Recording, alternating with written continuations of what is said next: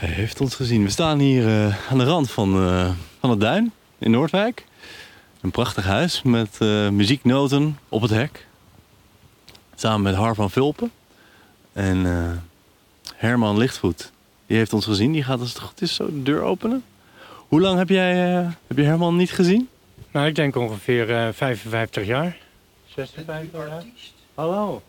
Goedemorgen. Goedemorgen. Kom erin. Dank u wel. Nu zijn we hier bij meneer Tony Light. Ja. Ik, uh, ik denk dat wij zo'n beetje hebben elkaar- dezelfde, dezelfde leeftijd zijn. we hebben elkaar een paar jaar niet gezien. Ik denk het wel. Een jaar of 55.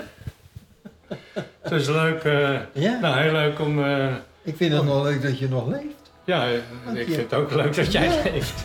Dat is van ons allemaal. Oh, eh, goeiedag. Judith Winkels. Fijn om kennis te maken.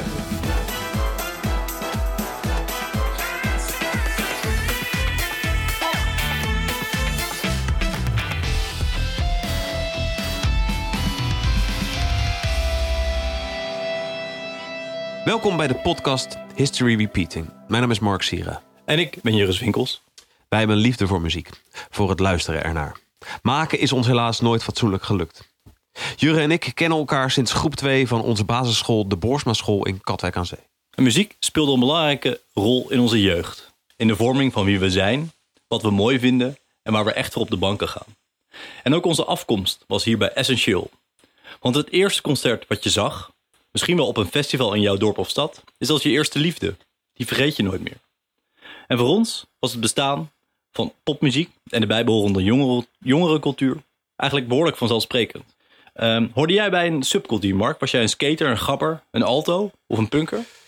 Ja, Jure, dat vind ik heel lastig. Ik, ehm, ik, ik, eh, eh, ik denk niet meer dat er een subcultuur bestaat. Dat je hem zo specifiek kan benoemen. Hè? De skaters, de alto's, de, noem het de gods, de gabbers. Het, het komt niet meer voor. Maar ik weet nog een keer dat ik eh, op waterpolo zat. En ik, ik ben, kijk, ik was vanaf mijn vroege jeugd geïnteresseerd in muziek. En eigenlijk in allerlei soorten muziek. En daarom paste ik denk niet, in, niet goed in een hokje. Dus ik wel, ik, eh, ik, je weet, ik hield van de Beatles als kind, maar ik leerde ook andere muzieksoorten kennen. Ik wist ook veel van klassieke muziek en eh, ik was al vroeg bezig met jazz en met, eh, met name met eh, een motorhead-achtige dingen. Ehm, ik weet nog dat een, eh, een vriendje van mij van waterpolo, wat ik toen speelde, aan me vroeg of ik, eh, of ik alto was. En eh, hij zei, want ik ben alto. Ik weet alles van Slipknot. En eh, nou ja, als je alles van Slipknot weet, dan ben je dus blijkbaar een alto. En ehm, toen, toen, ik weet niet meer welke vraag ik stelde, maar ik stelde een vraag over Slipknot. En hij kon dat niet eh, beantwoorden. Waarop hij dus zei, jij bent een alto. Eh, maar ja, als hij mij een vraag had gesteld over de Beatles of over Bach, dan had ik het misschien ook wel geweten. En dat past helemaal niet. Dus ik, ik kan niet zeggen dat ik eh, mezelf identificeerde met een, eh, met een subcultuur toen. Was dat bij jou anders? Ja, bij mij was dat wel degelijk zo. Misschien niet geheel bewust, maar ik was dus wel een alto. Eh, ik wist overigens niks van Slipknot, want dat vond ik echt takkenherrie. Ehm maar ik werd alto, was alto, omdat ik in Katwijk regelmatig werd nageroepen. eh, omdat ik met groene kistjes en paars geverfd lang haar en oude bandshirts van mijn oude zus eh, door het dorp fietste. Mag ik je dan vragen door wie jij werd nageroepen? Ja, door Katwijkse jeugd. Door de Zwarte Kousenkerk? Nee, dat waren denk ik jongens in trainingspakjes. Oh ja. Misschien waren dat wel de gabbers van die tijd. Ja, oké. Ehm, ja, en, en in die subcultuur, en voor mij speelde muziek eigenlijk ook best wel een belangrijke rol. Want ik had dus een oude, of ik heb nog steeds gelukkig, een oudere broer en zus. Die zijn 8 en 10 jaar ouder. En die woonden bij, on, bij, bij ons natuurlijk gewoon in huis. En die luisterden al Nirvana en Green Day Ja. en Radiohead. En ik pakte cd'tjes van ze mee en ik begon te luisteren. En ik vond het fantastisch. En die muziek is nooit meer bij me weggegaan. Ehm, en nou ja, die lange, Ja, die, lang geverfde paarse haren gelukkig wel. ik zie het, ja. Maar Ze zijn... eh ze hebben een iets natuurlijke kleur gekregen. ja, precies. Ja. het neigt steeds meer naar grijs. Ja, maar het is grappig hè, hoe een eh, Nirvana of een Radiohead of een Green Day inmiddels het tot de, het voor iedereen tot de common knowledge behoort. En eh, het, je bent niet alternatief als je naar Nirvana luistert. Eh, je, het is gewoon iets wat, eh, wat, wat iedereen mooi vindt. ja, dat, of je nou eh, 14 bent of, of 80, eh, iedereen heeft Nirvana in de kast staan. ja. En ehm, dat is het mooie van deze tijd, denk ik. En dat heeft een Spotify, denk ik, voor een deel in ieder geval wel voor elkaar gekregen. Het is ook jammer dat een subcultuur, dat je geen de skaters meer over straat ziet gaan.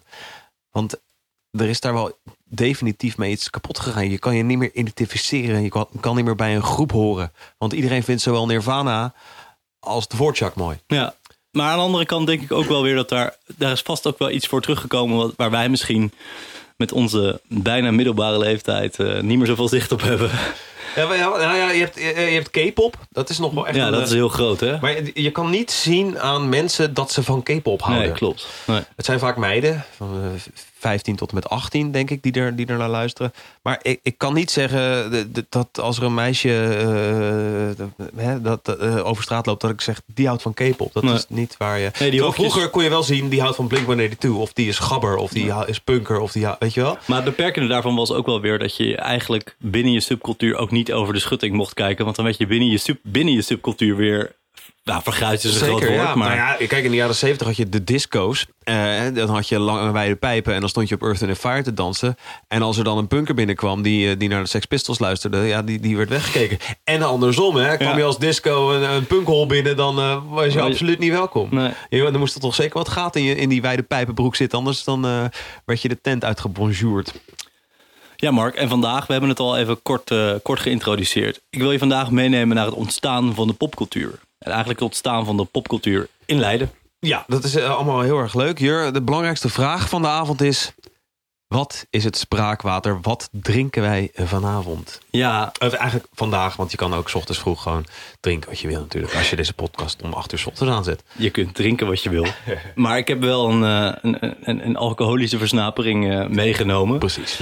En die luidt eigenlijk het, eh, het begin van de popcultuur in. Of eigenlijk sluit die een periode af. Eh, tenminste, daar refereert hij aan. Ik heb Elvis Juice meegenomen. Ja, ik zie het. eh, eh, van, eh, van de Brewdog. En eh, daar wil ik vanavond... eh, ja? Mag ik hem openmaken? je mag hem openmaken. Daar wil ik vanavond eh, van genieten met jou. En, en, je, en je een mooi verhaal vertellen.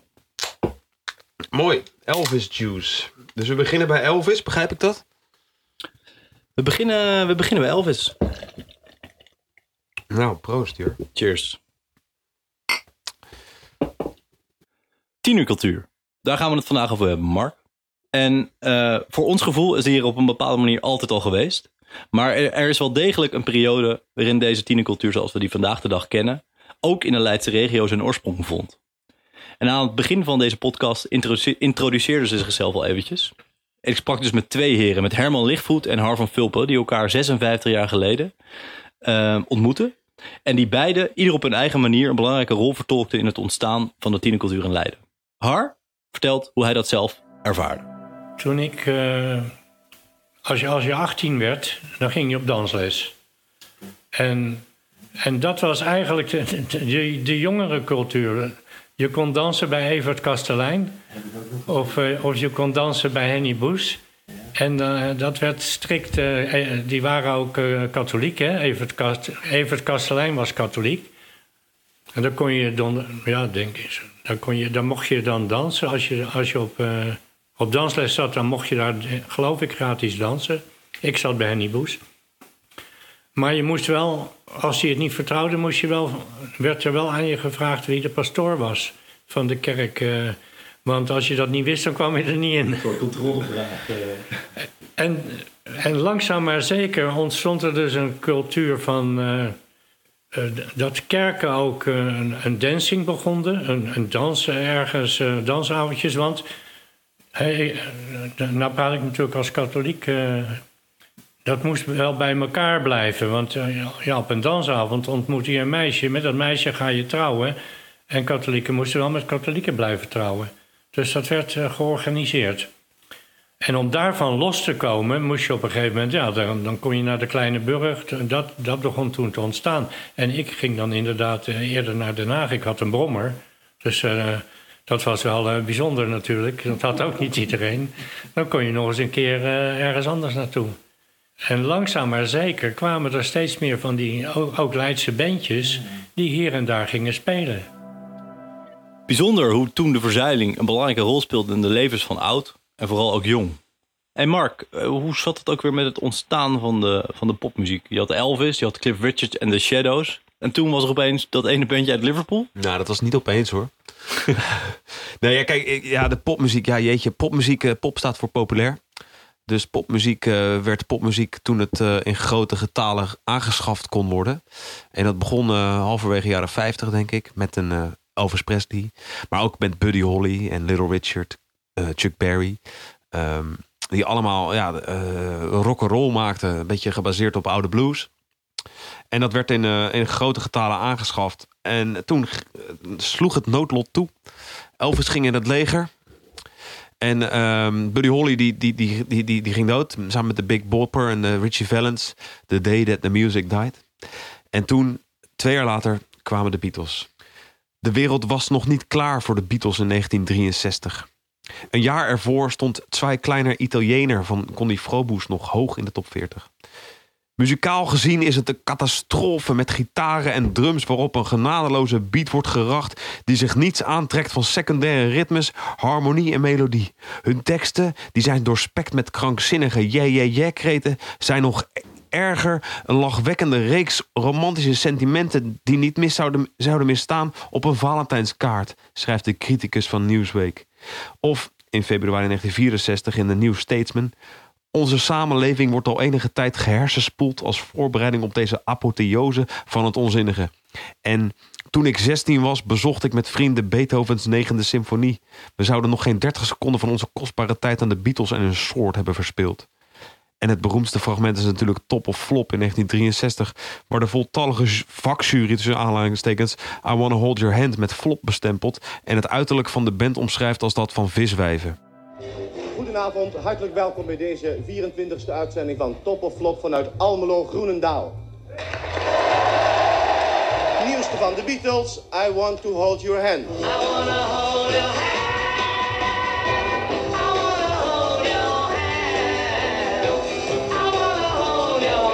De Beatles willen dus de hand vasthouden. En eh, Henk, hoe denk jij daarover? Dat zijn dat die jongens met dat haar, hè, die een beetje lijken op, eh op Urker vrouwen in Burger. Ja, ja, Ze doen maar wat aan visvrouwen denken. ja. Meer kan ik er niet over zeggen. Dankjewel. Henk Elsing. Nou, als de Beatles, als dat een vrije vertaling is van de bietenbouwers, dan. eh Kijk mij de bietenbouwers dan maar, ik vind het niks. vind toch niks? We gaan stemmen, wat wordt het?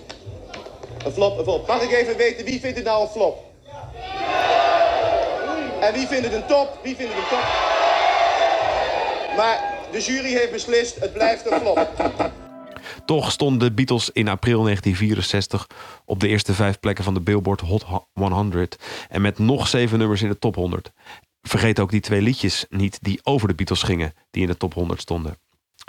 De groegemeente ging langzaam overstag toen de Beatles gehuldigd werden door hun koningin en er Britse politici van Labour waren die toegaven fan te zijn van de Fab Four, simpel om stemmen te trekken. En Labour won die verkiezingen.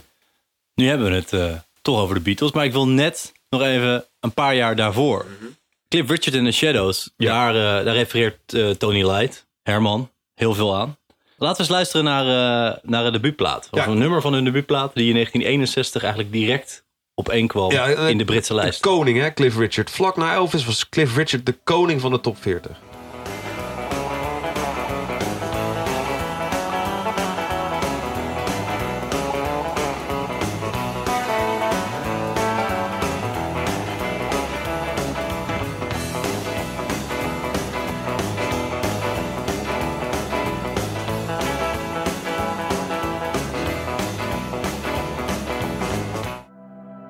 Wij speelden heel veel in het Leidse Volkshuis.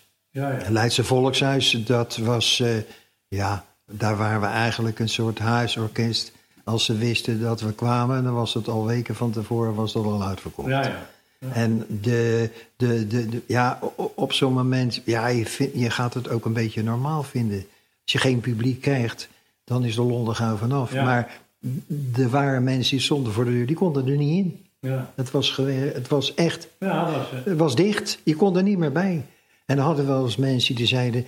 ik kom met mijn vriendin, mag ik er dan in? Zeg, maar ik heb dat niet voor het zeggen. En ik zit boven, want het was op de tweede etage. En eh, ja, die tijd die vloog om... Dat het gebeurde we- zaterdagavond, zondagmiddag. En dan hadden we vaak zondagsavond weer een optreden. Dus dan fietsen we met de auto. Gingen we door naar eh Zoeterwoude. Nee, niet Zoeterwoude.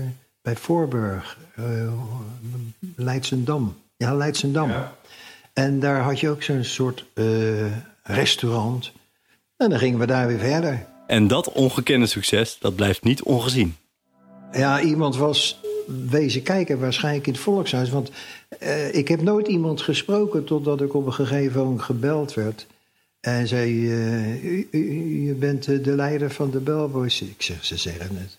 Ik zeg, maar maakt me niet uit. Waar gaat het over? Ik zeg, nou, kunnen jullie naar Heemstede komen? We willen graag opname met jullie maken. Ik zeg, dat impliceert een, een, een, een, een single. Godverdomme, dacht ik bij mezelf. Dat is leuk, jongen. De eerste band in Leiden. Ja. Dat, dat, dat moet doorgaan. Dat is natuurlijk de mooiste reclame die je kan hebben. Ja. We voelden ons toch wel een beetje een soort Cliff Richard en de Shadows. Ja, dat is het leuk. Laten we luisteren naar Twist in Patricia. Officieel het B-kantje van de single, maar wel het nummer dat, als we Har van Vilpen mogen geloven, grijs gedraaid werd in de Leidse jukeboxen.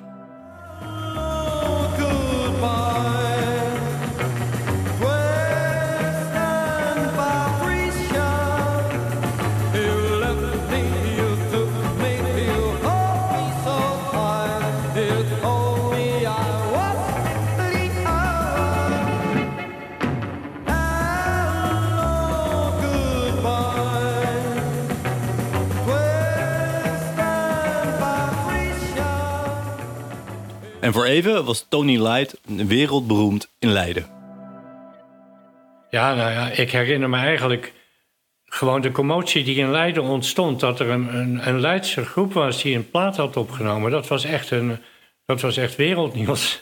Wereldnieuws in Leiden. Ja, je, je, het gebeurt, het overkomt je. Ja, Eh, Ik kan me herinneren dat er stond een pagina in, in het Leids Dagblad. Ik heb hem nog hoor, want ik heb hem ja, Eh, de Haarlemmerstraat op zaterdag, hè, dus laten we zeggen op zaterdag, nou de druk, Ja. neem ik aan. ja, Dat was helemaal zwart. ja. Van begin, nou ja, van begin, zeg van het halve midden, waar Hoofdvink dus zat. Ja. En Hoofdvink zat tegenover het Leidse Volkshuis. Je kon niet eh, lopen over de houden. Ja. Helemaal zwart. Want G. Halvink, voor, voor de luisteraars misschien, dat, dat was wel de platenzaak van Leiden natuurlijk op dat moment. Hè? En met de populariteit van Tony Light en de Bellboys ziet ook Har van Vilpen zijn kans schoon. Ik was heel erg geïnteresseerd in muziek. En onder andere ge- geabonneerd op Engelse muziekbladen. Om meer, meer te weten over muziek dan dat er normaal gesproken in Nederland bekend was. En ik bedacht in december 1962 dat ik een eigen muziekblaadje wilde maken. En dat blaadje dat heette De Hitparade. En daar schreef ik dus eigenlijk muzieknieltjes uit de Engelse muziekbladen schreef ik daarover. En eh, ging ik dan naar mensen toesturen. En ik, ik vond het fantastisch dat je met een oude typemachine en een oude stencilmachine zelf een, een tijdschrift kon maken en rond kon sturen. En op een gegeven moment las ik in de krant dat er een Leidse band een platencontract had gekregen. En dat waren de Bellboys, Tony Light en de Bellboys. Ja, ik had het blaadje. Ik dacht, ja, dat, moet ik doen. Ik ga er een fanclub van beginnen. En toen heb ik contact gezocht met, eh, met Tony Light, met jou. En eh, waar we elkaar ontmoet hebben, ik zou dat niet meer weten, maar we hebben elkaar ontmoet. Eh, we, hebben de toestemming gekregen om, om een fanclub te beginnen. En dat was voor mij handig, want ik had al een blaadje. En ik hoefde eigenlijk alleen maar in dat blaadje wat extra nieuws over de Bellboys te schrijven. En dan kon ik de, de, fans van de Bellboys eh, tevreden houden. En die konden lid worden van de fanclub. Die fanclubleden werden natuurlijk geworven op, op muziekavondjes waar jullie speelden. Jij zei zelf net nog, eh, er werden foldertjes uitgedeeld. Nou, dat kan ik me niet meer echt herinneren, maar ongetwijfeld, want dat is natuurlijk de beste manier. En in een tijd van ommezien had dat muziekblaadje van mij een oplage die in plaats van 200 exemplaren wel 400 exemplaren was. Want er werden heel veel mensen lid van de Bellboys fanclub. En toen hoorde Har dit nummer op de Luxemburgse radio voorbij komen.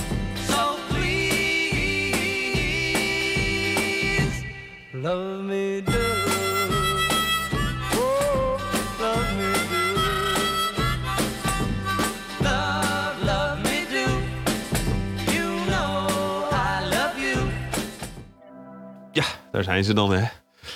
Het eh debuutsingeltje van... eh eh, ja, hoe heet, eh, hoe heet het ook? Ja. Ja, maakt ook niet uit. Nee. Het, ja, classic. Hè? Het is echt wel wat anders dan Cliff Richard en The Shadows of Tony Light en de Bellboys. Het is, er zit wat meer persoonlijkheid in. Wat meer, wat meer liefde, wat meer... Nou ja, ik- laten we het op originaliteit houden.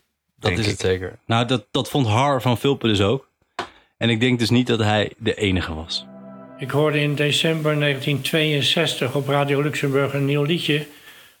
En dat heette Love Me Do van de Beatles. Ik dacht, ja. Ten eerste verstond je die naam bijna niet. Maar in januari schreef ik toch een brief naar Engeland, naar de Beatles. Mag ik een fanclub beginnen?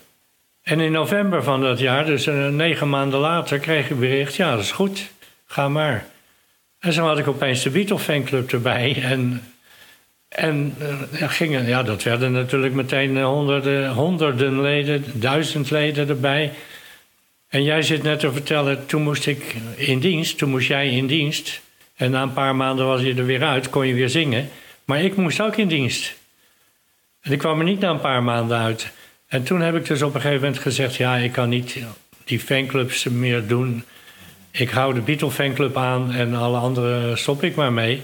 Dus je bent uiteindelijk de dupe geworden van en van de Beatles en van de militaire dienst. Waar de komst van de Beatles en het ontstaan van de bijbehorende popcultuur het einde betekent voor Tony Light en de Bellboys, is het effect voor Van Vulpen juist averechts. In 1964 spelen de Beatles in het Noord-Hollandse Blokker en in Hillegom en neemt de Beatlemania alleen maar verder toe. De fanclub groeit aanzienlijk en in 1966 telt de fanclub 1060 leden. En zelfs wanneer de Beatles uit elkaar vallen en de band niet meer bestaat, zijn er nog diverse hoogtepunten. Zo herinnert Van Vulpen zich de eerste landelijke Beatledag in Leiden op 11 september 1971. In het Creatief Centrum met een K en een S aan de Breestraat. Ehm, in 1979 stopt Van Vulpen als voorzitter van de Beatle fanclub. Maar tot op de dag van vandaag bestaat de fanclub nog steeds. En Mark, als ik jou eh, begrijp, is er ook in Leiden nog steeds een Beatle-beurs. Elk half jaar is, is er een eh, internationale Beatlesbeurs. eh de afgelopen jaren in Scheltema. Ja, als je wil kun je daar honderden euro's lichter eh, aan het eind van de dag naar buiten lopen. Er treden bandjes op. Er zijn standhouders die alles verkopen. Van Beatles eierdoppen tot boeken. Van, van platen tot ondergoed. Je kan het zo gek niet verzinnen. Het ligt er. Ik, ik ben blij dat we antwoord hebben kunnen geven op een vraag waar ik al jaren mee rondloop. Eh Jur, ik, eh, ik, ik, zoals we het aan het begin van deze podcast al even bespraken. Ik, eh, ik was als kind eh groot Beatles fan. En ik, ik kocht eigenlijk alles wat met de Beatles te maken had. Eh, waaronder geluidsdragers, gelukkig. Eh, en ik had een singeltje van Hey Jude, de Nederlandse persing. Een prachtig mooi klein hoesje met eh, een beetje psychedelisch. Roze en geel, overlopend in elkaar. En dan de vier gezichten van die lui. En aan de achterkant dan, en dat is eigenlijk waar ik op doel... het woord The Beatles met een soort... Ja, soort, soort vertakkingen erop. Een soort, soort boom. De foto eronder met handtekeningen erop. En daaronder, en dat is eigenlijk waar ik, eh, waar ik, eh, waar ik op, eh, op doel, is eh, een adres. Namelijk Beatles Fanclub Telderskade 8 in Leiden. En ik heb me altijd afgevraagd, wie woont daar? Nou, het antwoord is Har van Vulpen wonen daar. Dat kan niet anders. is toch ongelooflijk? Ja, het adres van Har stond op tienduizenden, misschien wel honderdduizenden singeltjes. Op het meest succesvolle singeltje van de Beatles. Ongelooflijk. Ja. Ja. Wat een mooi verhaal. Ik, ehm, hoe ging het verder met Tony Light? Nou, Herman eh, ging na het succes met de Bellboys en, en het succesvolle singeltje eh, eigenlijk solo verder en maakte nog een aantal eh, Nederlandstalige liedjes. En uiteindelijk begint hij een platenzaak in Leiden. In de Merenwijk is een aanbouw. Op het moment dat, dat de Merenwijk is afgebouwd, is daar ook de, Kopermo de Kopermolen, het winkelcentrum. Ja. En daar heeft hij eh eh, Lichtvoet Records, als ik het, eh, als ik het goed heb. En, eh, en hij begint tegelijkertijd ook een, een eigen muzieklabel met Sam Sam Music. Die bestaat, dat label bestaat nog steeds en wordt mede gerund ook door zijn zoon. Ehm, hij is en hij blijft de eerste leidenaar met een plaatcontract en een fanclub. Heb je nog een luistertip? Nou, ik heb zeker een luistertip. En ehm, het is een luistertip die aansluit bij, bij het begin van de, van de podcast. Ehm, we hebben het natuurlijk gehad over eh, eh, Buddy Holly, Little Richard, de Everly Brothers, Chuck Berry en Elvis niet te vergeten. Maar ik ben, eh, ik ben zelf fan van Fats Domino.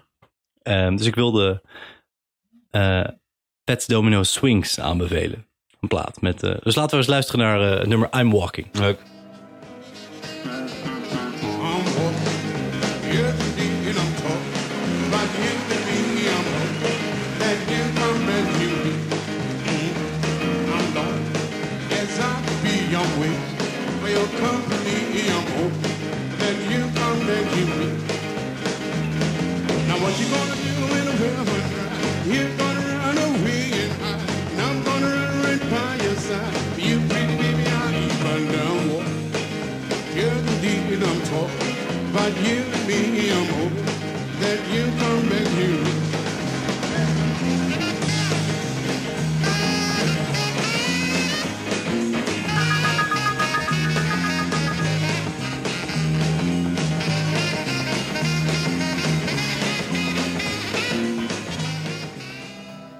Ja, Fats Domino. Hij, eh, het is een bijzonder figuur. Hij, eh, hij raakte tijdens de Katrina-storm, hij woonde in New Orleans, al zijn gouden platen kwijt. Die, die verzopen. Die liggen ergens in de oceaan. Ergens in de dat is oceaan. wel heel Ja, het dramatisch. Ja, het is dramatisch. Hij, hij is daarna ook niet veel ouder geworden. Eh, maar het is wel een van de bronnen samen met Ray Charles. En nou ja, we hebben, noemen ze allemaal maar op. Van, van waar de popmuziek eigenlijk nu op uit is gekomen. Ja, zeker. Wil je nou ons hele verhaal lezen? Ehm, kijk dan op historyrepeating.nl of in het Leids Dagblad. En weet jij zelf nog een, eh, nog een mooie muziekhistorie eh, die ontrafeld moet worden? Stuur dan een voice message via Instagram naar historyrepeating.nl. Een mailtje sturen mag natuurlijk ook. Ja. Eh, naar ons mailadres. Die vind je op onze website historyrepeating.nl. En dan kijken wij of we daar eh, weer een mooi, een mooi eh, verhaal van kunnen maken. Deze podcast is mede mogelijk gemaakt door Omroep West, het Leids Dagblad en met steun van de provincie Zuid-Holland. Muziek, sounddesign en montage is van Sarah en Tim. In de volgende podcast gaan we naar Noordwijk, daar waar mijn middelbare school stond. We gaan het hebben over het ontstaan en het verdwijnen van de lokale popscene. Dank voor het luisteren en tot de volgende.